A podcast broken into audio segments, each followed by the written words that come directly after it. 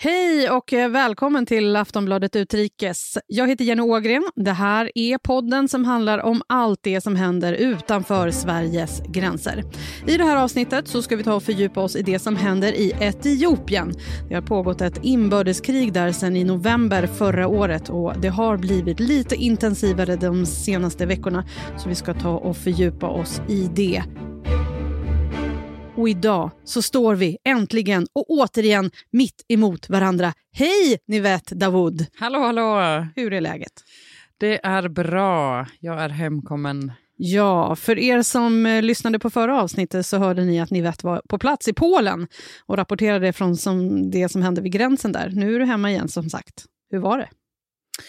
Det var ehm, väldigt kallt, eh, men framför allt så var det en fruktansvärd situation för väldigt många människor som är fast alltså på, eh, i gränsområdet mellan Polen och Belarus. Och den situationen fortsätter ju. Det är fortfarande migranter som lovas av Belarus diktator Lukasjenko eh, att de ska kunna ta sig in i EU, men som då Eh, fastnar när Polen skickar tillbaks människor. De har ju stängt gränsen där. Mm, var det så att du missade det avsnittet så kan du alltid lyssna i efterhand.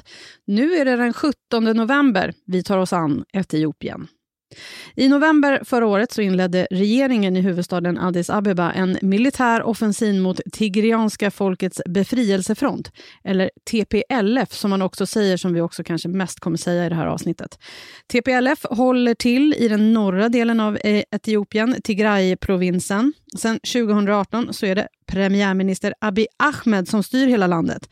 En man som också fick Nobels fredspris 2019 för att ha skapat fred mellan Etiopien och Eritrea. Konflikten började förra året efter att TPLF sagt att de inte längre stöttade den centrala regeringen i landet.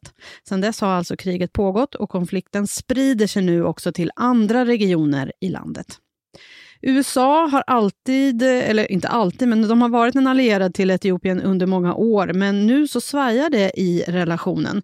Trots det så är nu USAs utrikesminister Anthony Blinken i området. Vad kan han ens göra för det här ombörd, ombörd, inbördeskriget? heter det. Etiopien är Afrikas näst största land sett till befolkningen och det är främst den civila befolkningen som drabbas av det här kriget. FN har rapporterat om hur befolkningen utsätts för sexuellt våld och tusentals har tvingats på flykt. Unicef har också larmat om att hundratusentals barn hotas av svält. Etiopien är ett av världens fattigaste länder också och du kanske minns den extrema hungersnöden som rådde i landet i mitten på 1980-talet. Jag minns den i alla fall. Hur ser det ut idag? Når hjälpen fram? Det finns så mycket att prata om kring Etiopien, så nu kör vi igång. Ni vet, jag tänker att vi börjar lite med bakgrunden kring Etiopien. Landet består av flera olika regioner. TPLF har styrt landet i flera år. Precis. TPLF var eh, i alla fall tidigare ett eh, parti som styrde Etiopien i eh, ganska lång tid, eh, flera decennier, fram tills de här protesterna 2018 som alltså ledde fram till att Abiy Ahmed eh, blev vald, eller blev liksom premiärminister i eh, landet. Och eh, det man kan säga om eh, TPLF och eh, tigreanska folkgruppen är att de utgör egentligen bara 5% av den etiopiska befolkningen. Och de finns alltså då framför allt i eh, Tigray-regionen som ligger norrut i landet. Och, eh, I Etiopien så, så finns det väldigt många olika folkgrupper, etniska grupper. Alltså ett 80-tal pratar man om. Eh, det är jättemånga. Och, ja, och de här olika grupperna har genom åren eh, antingen liksom stridit mot varandra eller så bytt eh, lojalitet och stridit tillsammans. Liksom. Eh, så det är ett land som ju länge då har varit drabbat av konflikt och så har man eh, också, alltså både internt men också då det här kriget som, som eh, pågick väldigt länge med Eritrea. Eh, och det var ju eh, kriget med Eritrea som eh, Abiy Ahmed eh, fick Nobelpriset, eh, alltså Nobels fredspris för att han lyckades mäkla fred där. Eh, han har en bakgrund i de två folkgrupperna oromo och amhara som är eh, de två största folkgrupperna. Och anledningen till att jag tar upp det är för att det var de som eh, ledde de här protesterna mot TPLF. Eh, de grupperna har också väpnade miliser. Eh, så att vi kommer prata lite om dem också. Så mm, det kommer vi. Nämns just dem. Sen som sagt, det finns ju väldigt många grupper, men där har vi en, en liten bild i alla fall. Mm. Och, ja, och vad har hänt då sen Abiy Ahmed blev premiärminister 2018? Ja, det, det var ju som en eh, liksom, glädjevåg som gick genom Etiopien men också faktiskt eh, stora delar av världen när Abiy Ahmed fick eh, makten. Han pratade väldigt mycket om att han ville samla etiopierna eh, för att det, det, inte skulle vara liksom splittrat mellan de här många olika folkgrupperna. Han, han ville ha ett slut på det som, som man kallar för etnisk federalism ehm, och presenterade ganska stora reformer för att modernisera det etiopiska samhället och eh, att Etiopien skulle lämna den här korruptionen som, som hade funnits eh, både innan men, men också under eh, TPLF-styret. Så i början där så, så eh, kom det rätt så mycket liksom positiva rubriker från Etiopien. Eh, Abiy Ahmed eh, frigav tusentals politiska fångar. Eh, det blev lite enklare för medier att rapportera om situationen i landet. Oppositionspartier som hade varit förbjudna tidigare eh, välkomnades tillbaka. Eh, det fanns också, tillsattes en del kvinnor i hans kabinett och så förstås den här liksom glädjeruset av freden med Eritrea. Mm, allt det här låter ju fantastiskt faktiskt, men det känns lite som att det är för bra för att vara sant, eller hur ska man annars tolka att det nu är inbördeskrig? Alltså, det som vi har sett sen dess eh, är ju också att eh, ganska snabbt gick det faktiskt att regeringen började skärpa tonläget mot ja, alla som inte stödjer eh, Abiy Ahmed. Eh, och ganska snart så började premiärministern bete sig på just det sättet som han hade kritiserat ganska högljutt förut. Att eh, människor som protesterade mot styret mötte liksom våldsamt motstånd. Journalister och oppositionella som ju hade börjat få det lite friare och välkomnats tillbaka, ja de fängslades istället. Och sen så skulle det ju ske då ett eh, nationellt val. Eh, det sköts upp två gånger regeringen skyllde det här på covid-19, eh, men det är liksom talande för hur läget blev, eller var, i Etiopien under den här tiden. Att det fanns en puttrande konflikt eh, och den försvann liksom inte bara för att man hade fått en ny regering och premiärminister. Mm. Vad hände då? Ja, eh, TPLF då och tigrianerna, apropå det här med eh, valet som mm. Eh, sköts upp, eh, de eh, bestämde helt enkelt i september förra året sig för att hålla ett eget val. Och det rättade ju upp regeringen rejält. Man hade ju inte varit på god ton med varann sen innan. Liksom.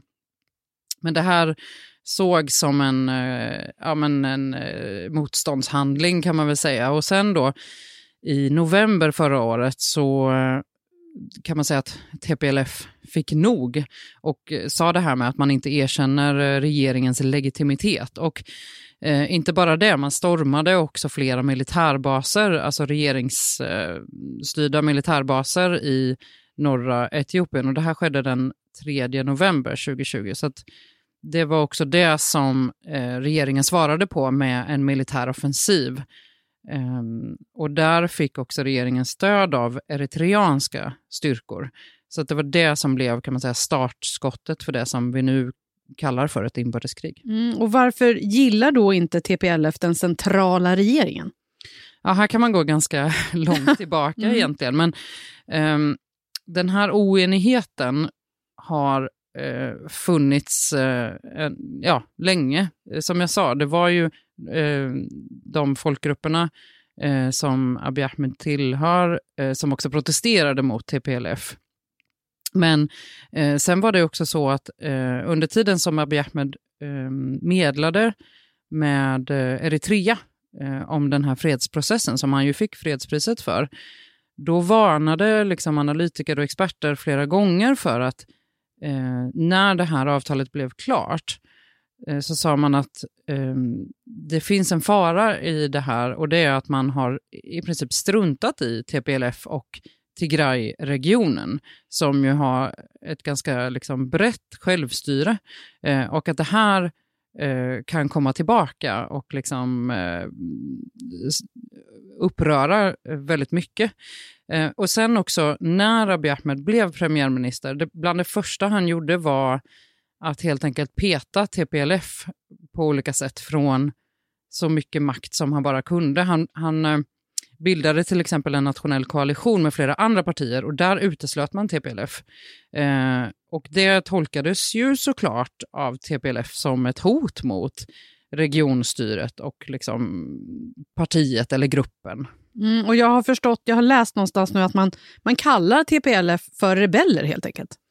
Ja, alltså jag tyckte det var lite intressant bara när man sökte på Wikipedia om TPLF när jag skulle bara du vet, läsa på mm. lite basic och då eh, har de beskrivits som rätt olika saker genom åren. Paramilitär grupp, eh, politiskt parti var man ju ganska länge styrande liksom, i mm. Etiopien. Mm. Eh, men det som nu har skett då är ju att Abiy Ahmed har klassat TPLF som en terrorgrupp. Men det är liksom, om man bara ska beskriva så är det en beväpnad etnisk liksom, nationalistgrupp. Man har eh, politiskt varit väl, vänsterinriktad eh, hela tiden. Eh, så det, ja, som sagt, vi kan liksom mm. hålla på och prata jättelänge ja, om TPLF, men, men där har du liksom the basics. Mm. Och, ehm, som sagt, när då TPLF stormade de här militärbaserna och regeringen i princip förklarade krig mot, mot gruppen, så det, det var ju det som gjorde att, att liksom situationen eskalerade.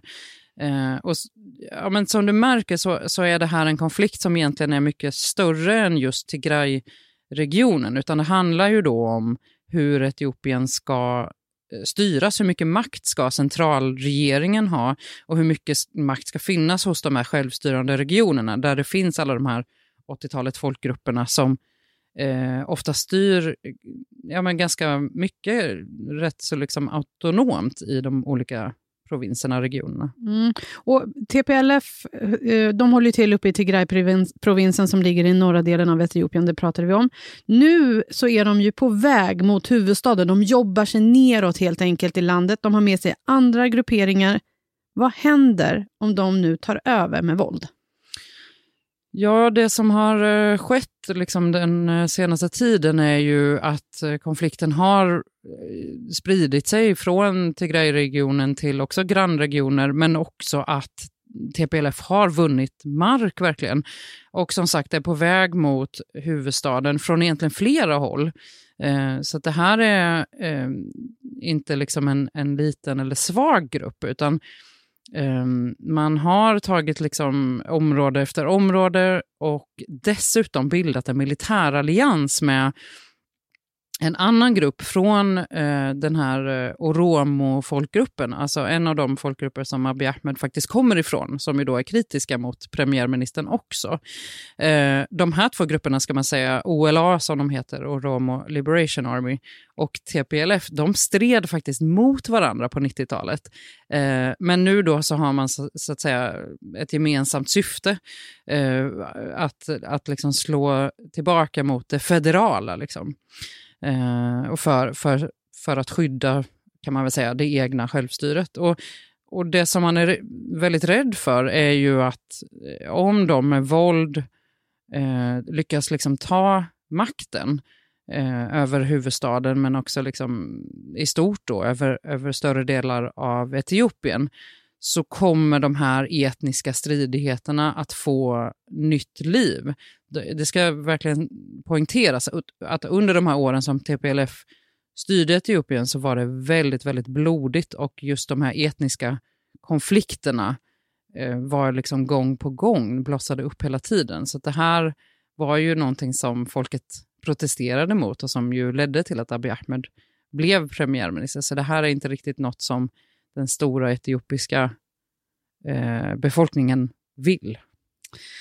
Nej, och, men då undrar man ju så här, varför är det så viktigt då för eh, TPLF att bryta sig loss och, och i längden ta över? Ja, men det är ju som eh, vi nämnde här förut, att det här är en, en rätt så långtgående konflikt och den har också flera delar. Det är egentligen lite för enkelt att bara säga att det är en konflikt eh, mellan liksom, etniska grupper eller att de vill bli liksom, en självständig region, utan det handlar om det här med eh, hur stark ska den centrala makten vara gentemot regionerna? Den striden har funnits i Etiopien i decennier. Och eh, man försökte ju lösa det genom att bygga liksom en, eh, en eller bilda en, en federal stat som, som liksom hade etnisk eh, bas. Eh, och, och, som jag sa, det är ju inte bara tigrianerna som, som känner att den här självbestämmande rätten är hotad eh, av det här som Abiy Ahmed eh, sa som sitt fokus, att det ska liksom vara fokus på den nationella identiteten istället för eh, den liksom etniska folkgruppen. Ehm, men och då, då har det ju blivit att, att min liksom, eh, fiendes fiende är min vän nu. Att, att två grupper som som sagt stred mot varandra på 90-talet nu går ihop för att liksom, störta regeringen helt enkelt. Um, och det som, eh, det som kan bli väldigt farligt med det här eh, det är ju det som, som eh, experterna liksom kallar för en, en balkanisering av Etiopien, alltså en Balkankonflikt i, i Etiopien. Alltså vad skulle hända om religiösa grupper skulle få bryta sig ut, och, eh, eller förlåt, etniska grupper skulle få bryta sig ut och bilda liksom egna nationer? Då är man ju också väldigt rädd för att det här skulle leda till fortsatta strider mellan de olika etniska grupperna. Och det kan ju i sin tur destabilisera hela kontinenten när ett så stort land som, och så viktigt land som Etiopien faller sönder helt enkelt. Mm. Sen var det ju så här att premiärminister Abiy Ahmed också skrev i sociala medier i början av november, han skrev så här, det är varje etiopiers plikt att dö för Etiopien. Det här är ett inlägg som har tagits bort nu. Han skrev också, han har också manat på sitt folk att beväpna sig, begrava fienden i vårt blod och dö för sitt land. Det här sägs alltså av en man som då tilldelades Nobels fredspris 2019. Mm, det är inte jättelänge sedan. Nej. Men det här var ju som sagt när eh, konflikten började eskalera ganska så rejält. Och då har vi sett att eh, Abiy Ahmeds retorik verkligen har hårdnat. Uh, han pratar ju i, det här är ju krigstermer. Uh, det är rätt intressant, för när det här började för ett år sedan så, så beskrev ju premiärministern eh, konflikten som var, liksom var ganska fokuserad då till Tigray. Att, eh, han, han sa liksom att det här kommer, det är en snabb polisaktion mot ledningen i eh, Tigray, i TPLF, eh, som det här kommer vi fixa kan man säga. Så blev det absolut inte. Ehm, och just de här uttalandena som, som eh, bland annat Facebook tog bort, eh, de kom när det blev tydligt då att TPLF eh, var eller är fortfarande nära huvudstaden Addis Abeba. Att man eh, är, eh, senast jag läste var att man var ungefär 40 mil från Addis Abeba och att man liksom kommer som sagt från olika håll och tar viktiga vägar och sådär. Eh, då utlyste också Abiy Ahmed nationellt nödläge och så uppmanade han van, liksom människor, etiopier, att eh, ta till vapen, mobilisera i liksom sån här eh, garden kan man säga. Samtidigt ska också sägas så har, kommer det rapporter om att tusentals tigrianer också i Addis Abeba som inte eh, tydligt är med i den här konflikten eller strider, eh, de har liksom gripits bara på grund av sin eh, etniska tillhörighet. Mm. Hur skulle du säga då att stödet är för honom nu?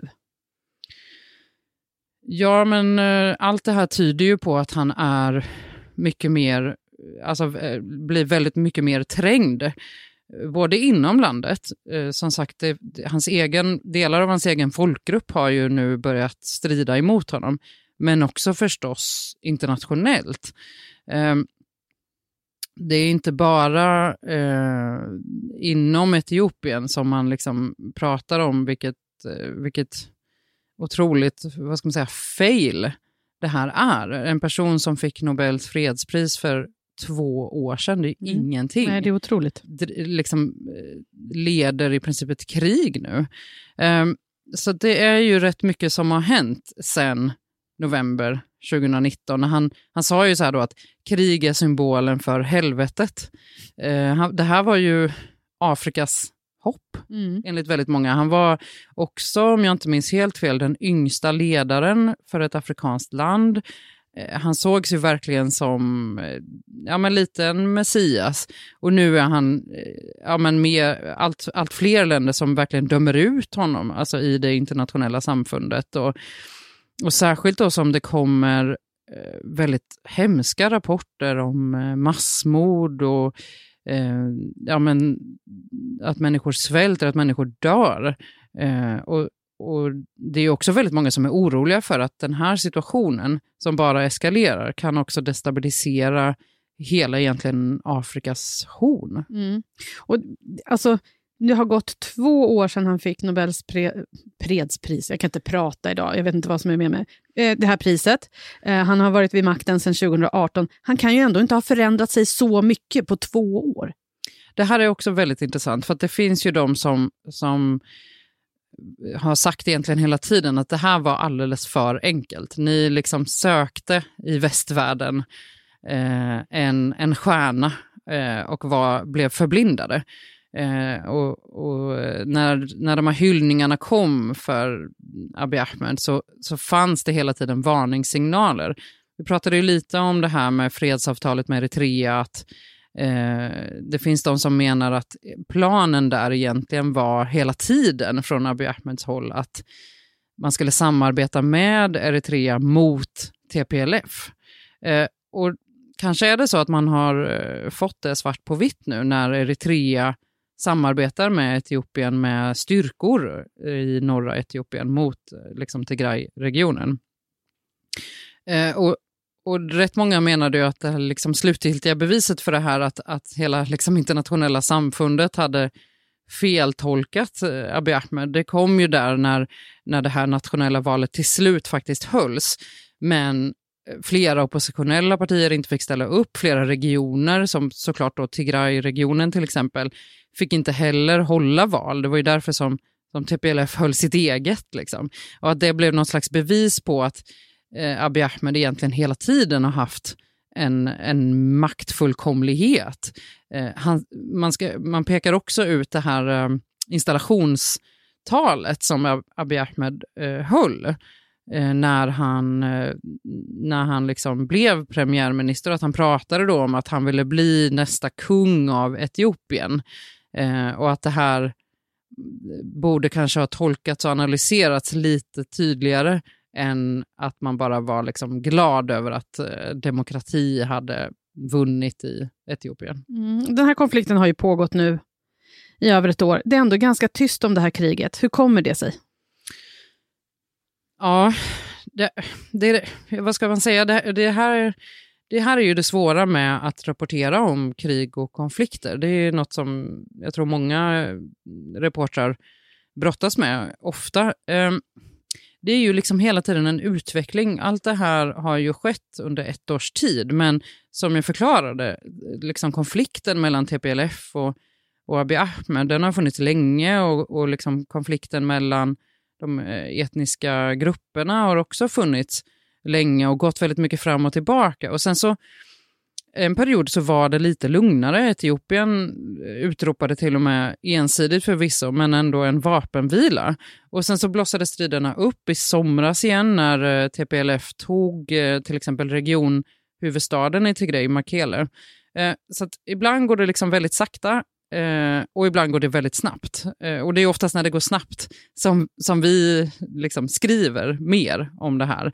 Sen ska man verkligen säga att befolkningen, de har ju lidit förstås hela tiden. Eh, men det är säkert så att, att det, ja, det blir tysta perioder. Eh, och det är ju någonting som FN ofta kritiserar, för att de har ju å sin sida larmat under lång tid om att situationen i Etiopien är väldigt, väldigt farlig Eh, att människor lider väldigt svårt och att det här också riskerar att sprida sig till liksom grann, eh, både grannregioner från Tigray men också grannländer i Afrika. Jag minns oerhört tydligt eh, hungersnöden i Etiopien på 1980-talet. Eh, det var över en miljon som dog då, visserligen en omdiskuterad siffra. Nu så befarar man att över 300 000 kan komma dö till följd av kriget på grund av svält. Så ni vet, hur är det nu? Hur ser det ut för befolkningen i Etiopien? Det är helt enkelt fruktansvärt. Eh, det kommer FN-larm hela tiden. Eh, där man pratar om både att det har varit en extrem brutalitet under den här konflikten, men också eh, ett stort, stort lidande. Man pratar eh, om att det här kan bli ett nytt eh, Rwanda, där, var, där det var ett folkmord på 90-talet. Och det svåra är att det är väldigt få uppgifter som kommer ut från det här området, därför att Etiopien å sin sida har infört eh, det som FN kallar för en humanitär blockad Alltså inget kommer riktigt eh, in eller ut från eh, Tigray-regionen.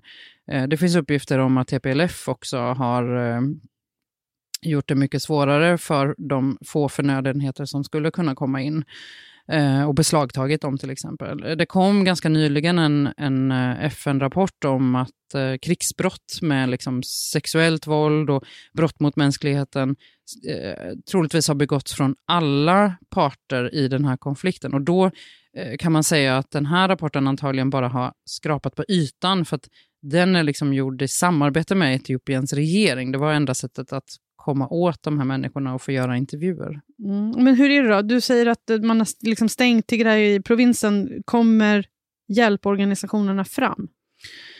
De har väldigt svårt att komma fram. Ehm, FNs eh, humanitära kontor eh, har skrivit bara senast i måndags att man, man står och väntar med 364 lastbilar med förnödenheter och att man har väntat sedan den 18 oktober.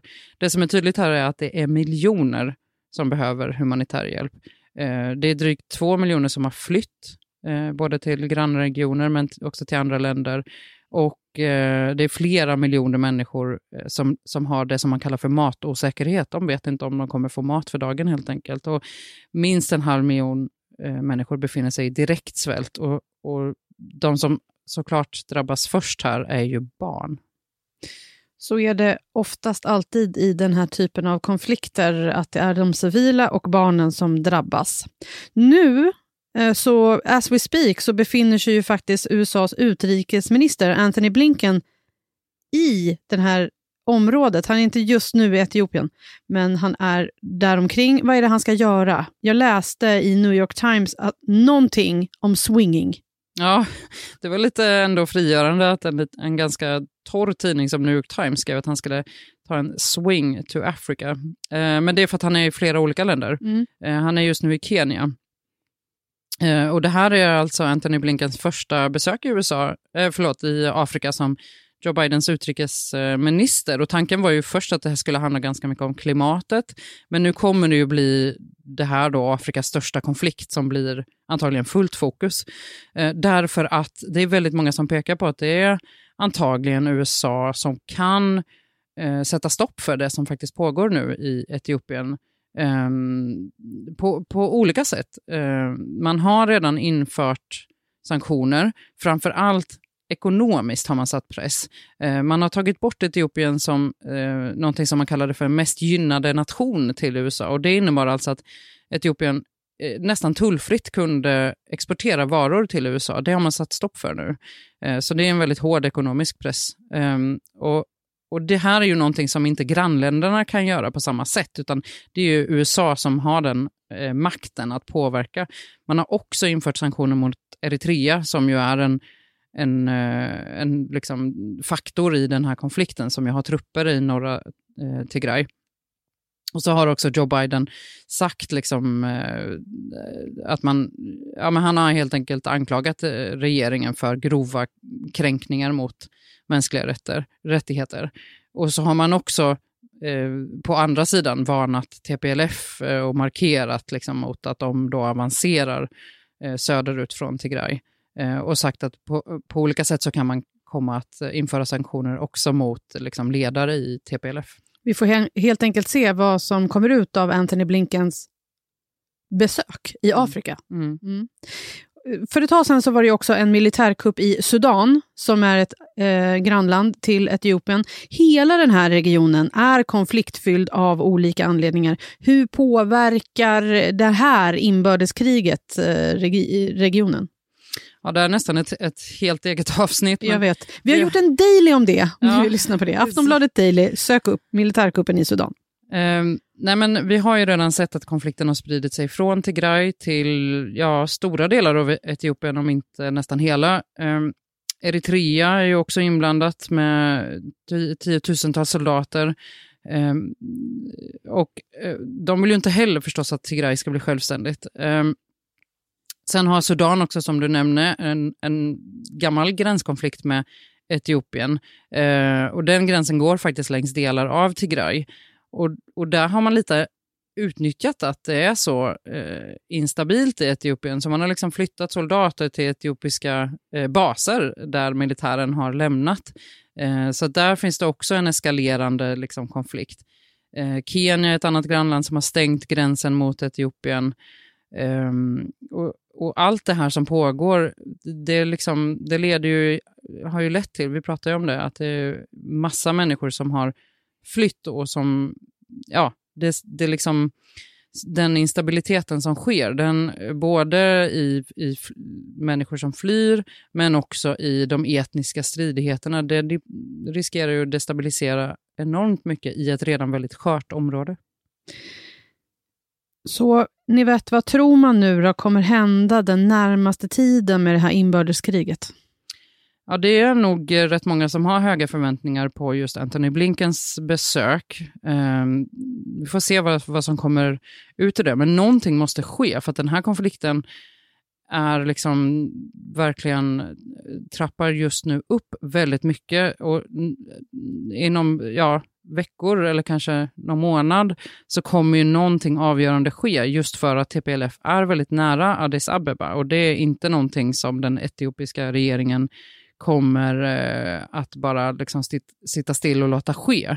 Um, så det är väldigt svårt att, att säga, eh, men det ser tyvärr inte särskilt ljust ut. Nej, man får helt enkelt också hålla koll i nyhetsflödet om hur det går för Etiopien och inbördeskriget och hela regionen där. På aftonbladet.se ska man ju självklart läsa vidare. Absolut. Ni vet, vi är klara för idag. Mm. Nu hoppas vi att du som har lyssnat känner dig uppdaterad kring den här situationen. Och Vill du lyssna mer på oss så kommer vi ut nästa vecka med ett nytt avsnitt. Vill du lyssna på gamla avsnitt så hittar du alla i din poddspelare. Du får så gärna prenumerera på oss så att du eh, inte missar när vi kommer ut med ett nytt avsnitt. Vill du oss någonting då kan du alltid mejla oss på utrikes aftonbladet.se. Vi finns också på Twitter under samma namn, Aftonbladet Utrikes. Nu säger Jenny Ågren och Nivette Davud slut för idag. Tack för idag. Hej då! Hej då! Du har lyssnat på en podcast från Aftonbladet. Ansvarig utgivare är Lena K Samuelsson.